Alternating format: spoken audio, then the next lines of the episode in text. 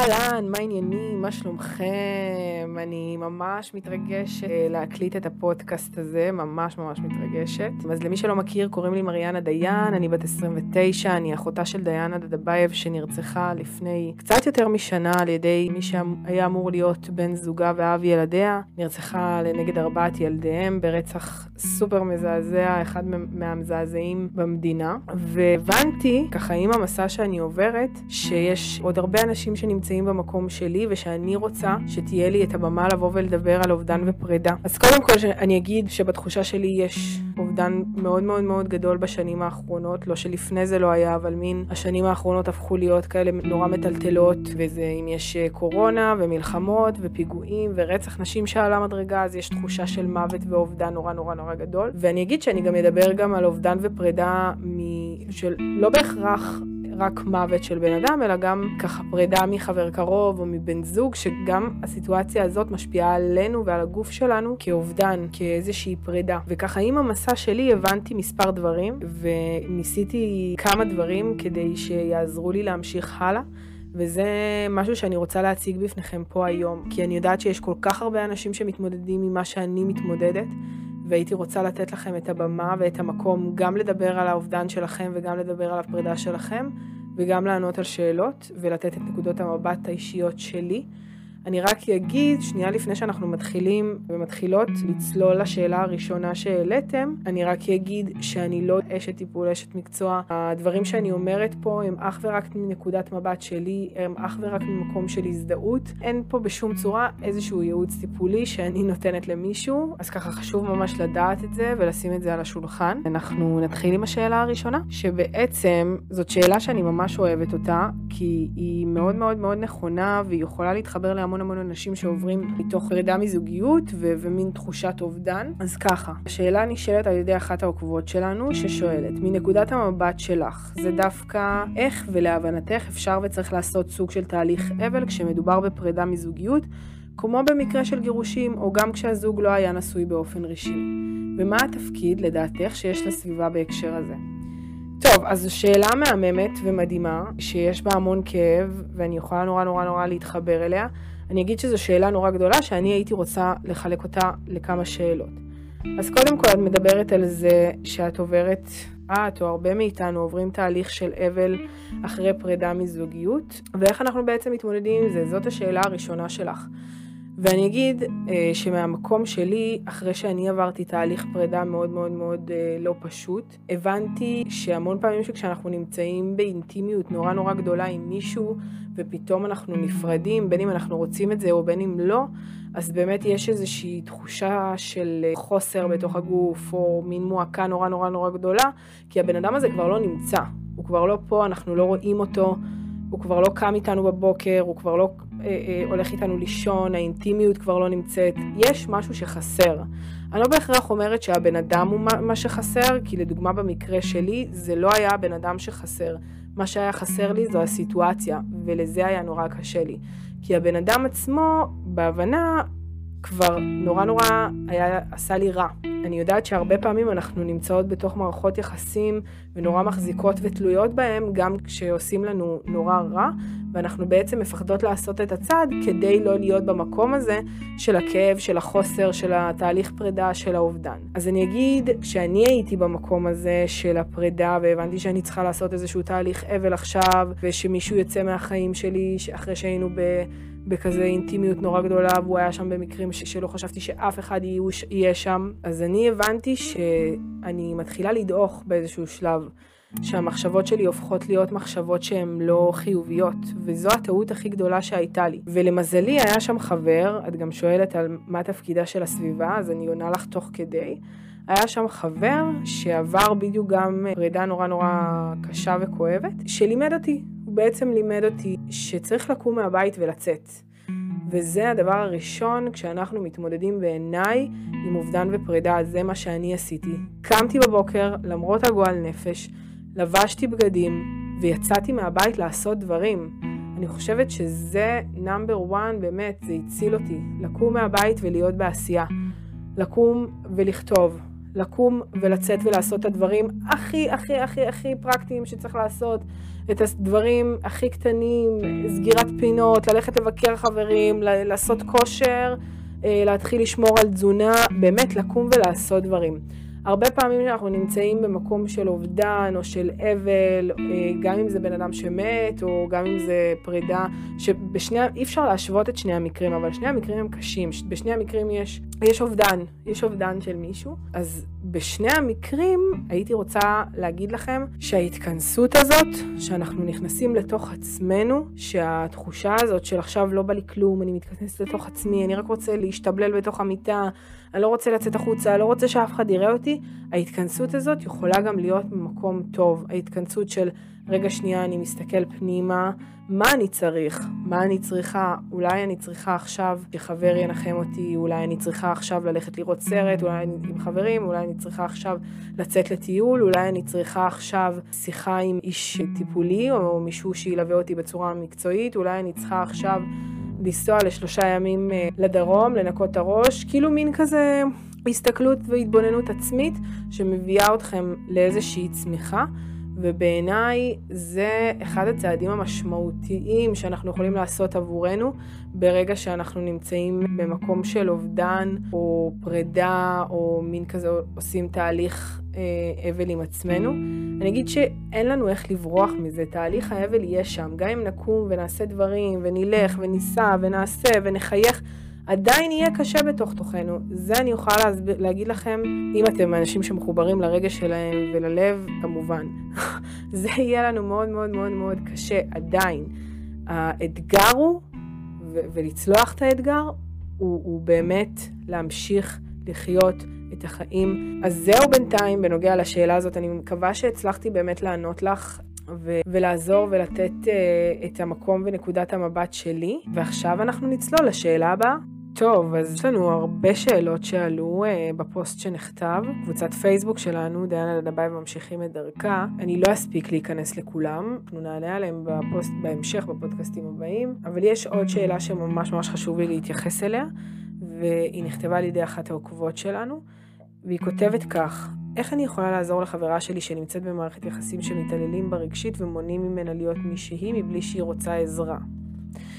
אז קודם כל חשוב לי ממש להגיד לך שאני חושבת שעצם העובדה שאת יודעת את זה ושהיא הביאה את זה בפנייך, זה אומר שהיא ממש ממש רוצה עזרה, זה ממש wake up call, זה ממש קריאה לעזרה הרבה פעמים אנחנו מפחדות לעשות את, ה, את הצעד, במיוחד שאנחנו נמצאים במערכת יחסים שהיא מתעללת, ואנחנו מחפשים איזה מקום בטוח שנוכל לשתף אותו שם. אז קודם כל שאפו גדול לחברה שלך, כי זה אומץ בלתי נתפס לקום ו- ולספ... ולחלוק עם עוד מישהו שאת נמצאת במערכת יחסים שהבן זוג שלך, שאמור לאהוב אותך, בעצם מתעלל בך. ואני חושבת שהרבה פעמים זה גם, את נמצאת במקום של טראומה, כי כאילו הבן אדם... שנמצא איתך ברמה הכי אינטימית שיש, גם מתעלל בך נפשית, אז זה איזושהי טראומה לגוף בעיניי, והרבה פעמים גם קשה להודות בזה בפני עצמך. אני יכולה להגיד לך שכשאני הייתי במצבי טראומה, לדוגמה, אני אקח את הסיטואציה עם אחותי, שבעיניי הרצח של אחותי הייתה זה הטראומה הכי קשה שחוויתי בחיים שלי ואני עדיין חווה אותה. לדוגמה, כל הזמן אחרי הרצח, לצערי, שקלתי בסיפורים ונחשפתי לעוד סיפורים של אה, מקרי רצח, אז, אז נורא הרחקתי את זה מעצמי, כי לא רציתי להתמודד עם ההבנה שזה דפק בדלת שלי. אז אני חושבת שאותו דבר במערכות יחסים שהן אלימות, אז את נמצאת באמת במצב של הלם, של הדחקה. את בונה על זה איזשהו, איזשהו סיפור כיסוי מאוד מאוד מאוד מאוד יפה, וכלפי חוץ זה הרבה הרבה יותר יפה ממה שאת מתארת שזה, אה, רק כדי באמת לא לעשות את ההבנה שזה צריך להיגמר, שאת צריכה להיות במקום אחר. או רק ממקום של אה, פחד של לקום ולעזוב, כדי שאותו אחד לא, י, לא יפגע בך. ואני חייבת גם להגיד עוד משהו שלפני שבוע, משהו כזה, הייתה לי שיחה עם אה, מישהי שפנתה אליי בגלל סוגיה כזו או אחרת שהיא מתמודדת איתה. והיא המליצה לי על ספר, המליצה, היא אמרה שהיא קוראת אותו, ו... וזה למה היא הגיעה להבנה ש... שהיא נמצאת במערכת יחסים מתעללת. אה, והספר הזה שהיא המליצה עליו, קוראים לו למה הוא עושה לי את זה, שנכתב על ידי לנדי בן קרופט.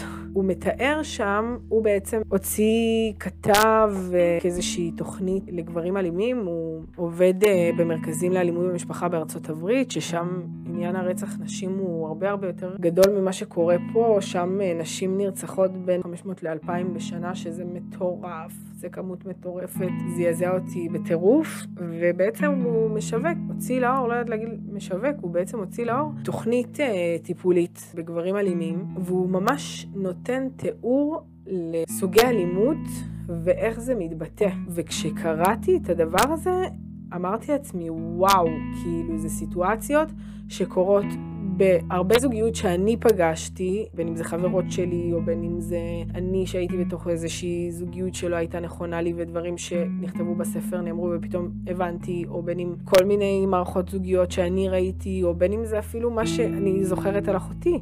פתאום נפלו לי כל כך הרבה אסימונים, ואני ממליצה לכם לרכוש את הספר הזה. אני חושבת שהיא נמצאת במערכת יחסים איתה, לא רק, לא רק, כדי שתדעו בתכלס איך גברים כעסניים ושתלטניים חושבים. אני חושבת שלאור המצב שבו אנחנו נמצאות היום, ולאור המס... מה שאני עוברת, ככה עם הסיפור של אחותי, שזה ככה הרבה יותר גם מעניין אותי ואני חוקרת הרבה יותר, שווה לרכוש את הספר ולקרוא, ואם את חושבת שאת נמצאת באיזושהי מערכת יחסים שהיא מתעללת, אני יותר מממליצה לרכוש את הספר. אני אגיד עוד דבר, שאני אומרת את זה כל הש... כמעט בכל השאלות שנשאלו, אמרתי את זה עד עכשיו, שחשוב לפנות גורם טיפולי שילווה. יש הרבה גורמים טיפוליים שיכולים uh, ללוות ויכולים uh, לעזור לעשות את הצעדים. הצעדים הנכונים, בין אם זה לטפל בה או בין אם זה תהליך עזיבה נכון בן זוג מתעלל, וצריך לעשות את זה באופן מאוד מאוד מאוד מחושב כשיש תחושת סכנה לחיים, אז הייתי מציעה לך או לה או ביחד שתיכן ליועץ אלימות במשפחה או מטפל שילווה אתכן, שזה סופר סופר סופר קריטי בעיניי, ולאחל לכן המון המון בהצלחה. טוב, אז אני רוצה להתייחס לשאלה השלישית שנכתבה לנו על ידי אחת העוקבות שלנו. והיא כותבת, שאלה שיכולה לעניין אותי, האם ניתן לטפל באלימות כלכלית, מילולית ופיזית בין בני זוג, ובמידה וכן, איזה טיפולים מתאימים? אז קודם כל, תודה על השאלה. מהחוויה האישית שלי, אחרי שדיינה נרצחה, כמות הפניות שקיבלתי מנשים על זה שהן, א' כל התעוררו לעובדה שהן נמצאות במערכת יחסים מתעללת, הייתה עצומה בעיניי, ובמקביל גם המון המון המון נשים שיודעות שהן נמצאות באיזושהי מערכת יחסים, היא ממש טרור אה, שהן עוברות, ומערכת יחסים שהן מפחדות בתוכה. בתוכה, ומערכת יחסים שלא נותנת להן להיות מי שהן, גם כן הייתה נורא נורא נורא עצומה. אז לכן, אמנם יכול להיות שהשאלה שלך לא מדברת ספציפית על אובדן ופרידה, כי את גם תוהה האם אפשר לטפל בסיפור הזה. גם מהעובדה שהיא עדיין לא מדברת על אובדן ופרידה, יש פה איזשהו תהליך של אובדן ופרידה, ואני אסביר. אני חושבת שכן אפשר לטפל בדברים האלה, אה, קודם כל כמובן לפנות לגורם טיפולי, אבל בעיניי כל אחד מבני הזוג צריך לעשות תהליך טיפולי משל. כמו שאני לאורך כל הפודקאסט אומרת לכן לקום וללכת ולפנות לגורמים טיפוליים, ואם את בזוגיות אלימה אז יועץ אלימות במשפחה, ואם זה אלימות כלכלית אז אפשר לפנות לרוח נשית שעוזרת לבנות חיים לאחר הפרידה, לכל מה שקשור לרמה הכלכלית, אם זה פורום מיכל סלע, שיכולות לתת לכם בעצם הגנה וביטחון עם הפרויקטים המדהימים והמטורפים אה, של לילי בן עמי, אחותה של מיכל סלע, עושה בשנתיים האחרונות, שנתיים שלוש האחרונות, אבל אני אגיד על אותם המאזניים שלכם הגברים, ואני יודעת שיש לנו המון גברים בקבוצה והאמן כבר, הפודקאסט הזה גם יגיע להרבה גברים שצריכים את זה, אז גם אתם הגברים, יש הרבה מקום להסתכלות פנימית עצמית. בן אדם שלא יכול ולא יודע לשלוט בכעסים שלו, בין אם הם נפשיים, או בין אם זה יוצא ברמה מילולית ואלימה פיזית, צריך ללכת לקבל טיפול. צריך ללכת לעשות עם עצמו איזשהו תהליך בשליטה בכעסים, תהליך בלדעת בעצם לדברר את התחושות שלי בצורה שהיא נעימה, בשיח. אז באמת, כמו שאני מפצירה בכן ללכת ולקבל טיפול, כל אחת הטיפול שמתאים לה, אני מפצירה גם בכם גברים. אם יש שם איזשהו כעס בלתי נשלט שאתה מוציא החוצה, יש הרבה פתרונות, מוציא החוצה על בת הזוג שלך, על הילדים, על whatever, אנשים אה, שאתה פוגש ביום יום, אבל ספציפית עכשיו אנחנו מדברים בתוך מערכת היחסים, כי ברוב הפעמים קל ונוח להוציא את ה shit החוצה. אז אם אתה נמצא במקום הזה ואתה מזהה, או שאומרים לך שאתה נמצא במקום שהוא אלים, אה, ואתה אלים כלפי הסביבה וכלפי בת זוגתך, קום ולך לקבל טיפול, על אחת כמה וכמה. בת הזוג שלך לא אמורה להיות המטפלת שלך. הזוגיות הזאת אמורה להצמיח אחד את השני. כמובן, כן, להיות בזמנים הקשים אחד של השני, כי החיים קורים, אבל לא להמשיך להיות שם ולסבול את חוסר האיזון הנפשי שלך. אז אם אתה מזהה שאתה במקום כזה ואין לך יכולת שליטה על מי שאתה ועל התגובות שלך, אני גם אחבר פה אחרי זה עם לינק לאן אפשר לפנות ואיזה תוכניות יכולות להתאים לאותם גברים. אלימים שבעצם אה, מוציאים את הכעסים שלהם על בנות הזוג שלהם בתוך מערכת היחסים. ולך, אני אגיד שאני לא חושבת שאת צריכה להיות המטפל שלו, ואם דברים לא מסתדרים בשיח כנה ונוח ובטוח, אז יש מקום לשינוי, ואני חושבת שיש מקום גם לעזוב, אבל לא לבד. אף פעם לא לעזוב לבד, במיוחד כשאם מערכת היחסים היא אלימה. כלכלית, פיזית, מילולית ונפשית. כולנו ראינו מה קרה בשנים האחרונות לנשים כל כך עוצמתיות וכל כך מרשימות ומדהימות שיכולות גם להסתדר אחר כך, אה, לאחר הפרידה וקליבריות כאלה, ובסוף הם שילמו על האקט הזה של העזיבה לבד בצורה לא מלווה, הם שילמו על זה בחיים שלהם. ואני מרגישה שגם הרבה לא יודעות מה לעשות. הרבה פעמים כשאני מקבלת פניות וכזה בקשה לעזרה מהמון נשים, מדברות על זה שהמשטרה לא באמת עוזרת. ויש הרבה פחד לפנות לרווחה, ואני יכולה להבין את זה. אני מאוד יכולה להבין את זה, כי אתן נמצאות בתוך מקום של פחד, של סחרחורת, של שאתן לא מצליחות לצאת ממנה, של קרה אם בן הזוג יגלה ומה יקרה הלאה אחרי, ואני יכולה להבטיח לכן שאפשר גם אחרי. יש חיים אחרי, ויש חיים מדהימים שיצמיחו אתכן אחרי. אני מכירה באופן אישי, והלוואי ויום אחד אני אצליח להביא את הסיפור הזה לפודקאסטים שלי, אבל אני מכירה באופן אישי נשים שעשו את התהליך. של לעזוב בצורה מאוד מאוד מאוד מלווה ומטופלת. זוגיות שהם היו בה, היא הייתה מאוד מאוד מאוד אלימה כלפיהם, והם עשו את כל התהליך שהוא לא פשוט בכלל, אבל הוא אפשרי. והיום חיות אה, חיים אה, מדהימים עם הילדים שלהם, לצד אה, חיוכים, רגעי אושר קטנים. אז אני רוצה לשים פה את התקווה, ולהגיד שיש תקווה, ולהגיד שיש גם חיים אחרי פרידה מבן זוג אלים, ויש פתרונות. אנחנו רק צריכים למצוא אותם, ובאמת, שוב, לדעת למצוא את המלווה ואת הגורם המקצועי הנכון שיעזור לכם בסיפור הזה. זאת הש... התשובה שלי לשאלה שלך שהייתה סופר סופר סופר קריטית ו... וחשובה ושוב אני מודה לך על זה שהבאת אותה לכאן. אני גם uh, אפרסם בעצם את המוקדים שאתן יכולות לפנות אליהם ביחד עם הפודקאסט שלי למי שנמצאת בפחד ובאלימות uh, שהיא בלתי נתפסת בתוך מערכות היחסים שלכם. טוב, שאלה אחרונה. שנשאלת על ידי אה, ליאת ניאז, איך עושים את הצעד של לקום ולעזוב? שאלה ממש אה, מאתגרת. כדי להיות במקום של אה, לקום ולעזוב, צריכה להבין למה את קמה ואת עוזבת. עכשיו, אני רגע מפרידה בין מה שדיברנו אליו עד עכשיו, על מערכות יחסים שהן אלימות, ואני מתייחסת לשאלה שלך כאל מערכת יחסים שאת מבינה שהיא לא נכונה לך והיא לא טובה לך והיא מורידה אותך. ואני אגיד לך שאני חושבת מהמקום שלי, מההתנסות שלי, בדברים אה, שאני עברתי בחיים, שכשעושים צעד של לקום ולעזוב, קודם כל הדבר המאתגר ביותר בעיניי זה להבין למה את קמה ועוזבת. וכשאני הגעתי להבנה הזאת שאני לא צריכה להיות שם, זה כי הבנתי שסל הערכים שלי והעקרונות שאני מביאה איתי לתוך המערכת יחסים לא תואמות בעצם לאותו בן אדם בצד השני. ובעצם אה, זה משהו שלוקח אותי ומושך אותי למטה, למקום של חוסר עשייה. ואני רציתי להיות במקום של עשייה. לפני של לקום ולעזוב, ההבנה הזאת היא החלק המאתגר שהיה לי. כי גם כש... קמתי ועשיתי את הצעד של אולי זה לא מתאים, ישר חזרתי אחורה ואמרתי, לא, לא, לא, לא, לא, אני אעשה הכל כדי שזה יקרה, טיפול, זה כאילו מין כזה לא רציתי באמת להאמין שזה קורה, וניסיתי כזה להביא את זה לשיח, ו- וזה לא באמת משהו שעבד סביב זה, כי זה באמת לא, לא עובד. וההבנה של זה נורא נורא הלחיצה אותי, כי אנחנו כל הזמן נמצאות באיזושהי הגדרה כזאת חברתית, שאנחנו חייבות להיות בתוך זוגיות, ו- ו- ומה יקרה אם uh, נהיה לבד עכשיו, ו- ו- ואולי אה, אמשיך uh, בזוגיות הזאת שלא מתאימה לי ולוקחת אותי למטה, ואני אעשה הכל ואני אעבוד 24-7 סביב זה, אבל בפועל את יודעת שזה לא נכון לך וזה לא מעצים אותך ואת צריכה להיות במקום אחר. אבל בסוף כל הרעשי רקע האלה זה משהו שמגיע כדי לא לעשות את הצעד הזה שהוא צעד של פרידה ואובדן בעיניי לא, לא פשוט, אבל אני אגיד שגם כשמתקבלת אצלך החלטה שקמה ועוזבת ושהצד השני לא מתאים לך, זה לא מגיע רק עם uh, תחושות פחד וכזה חוסר יכולת לעשות את זה, אלא זה מגיע גם עם איזושהי תחושת שחרור, כי את מבינה שמגיע לך משהו אחר, כי את מבינה שאת צריכה משהו אחר.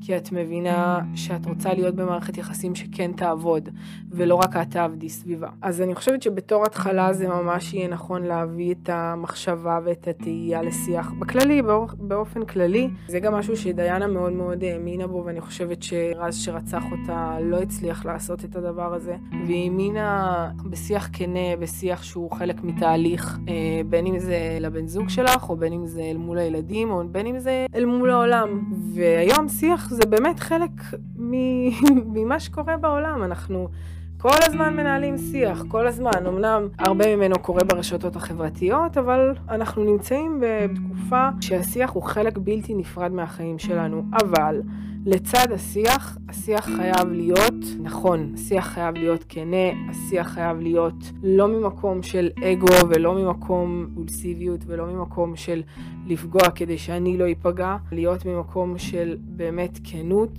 והרבה פעמים, בגלל שאנחנו לא יודעים לעשות את השיח הזה, ובגלל שהצד השני נורא נורא נורא קשה לו לקבל את זה, ויש כזה מאוד התפוצצות, אז זה נורא קשה. אבל אם השיח נעשה באיזשהו תהליך של לדבר את הדברים מתחילת הזוגיות, ולדבר את הקשיים, ולהביא אותם ממקום שהוא של חמלה. מאוד מאוד מאוד מאוד חשוב בתוך זוגיות, הרבה הרבה הרבה חמלה. אז אני חושבת שגם השיח על זה כבר לא מתאים, הוא יהיה הרבה יותר מכיל ומקבל כמה שהוא יהיה כואב. ובצד הפרקטי של הדברים, פשוט להבין שיש לכן את הכוח לקום ולעשות ולבנות לעצמכם חיים שהם מעבר, ובעיניי אפילו גם למצוא כל מיני תחומי עניין חדשים, איזושהי הסתכלות פנימית, אמרתי את זה כבר בשאלות שלי הקודמות, אבל גם פה, איזושהי הסתכלות פנימית אה, של איזה שיעורים אני יכולה לקחת מתוך הזוגיות הזאת שהייתה לי אה, להמשך הדרך, ומה המסקנות שאני יוצאת איתן.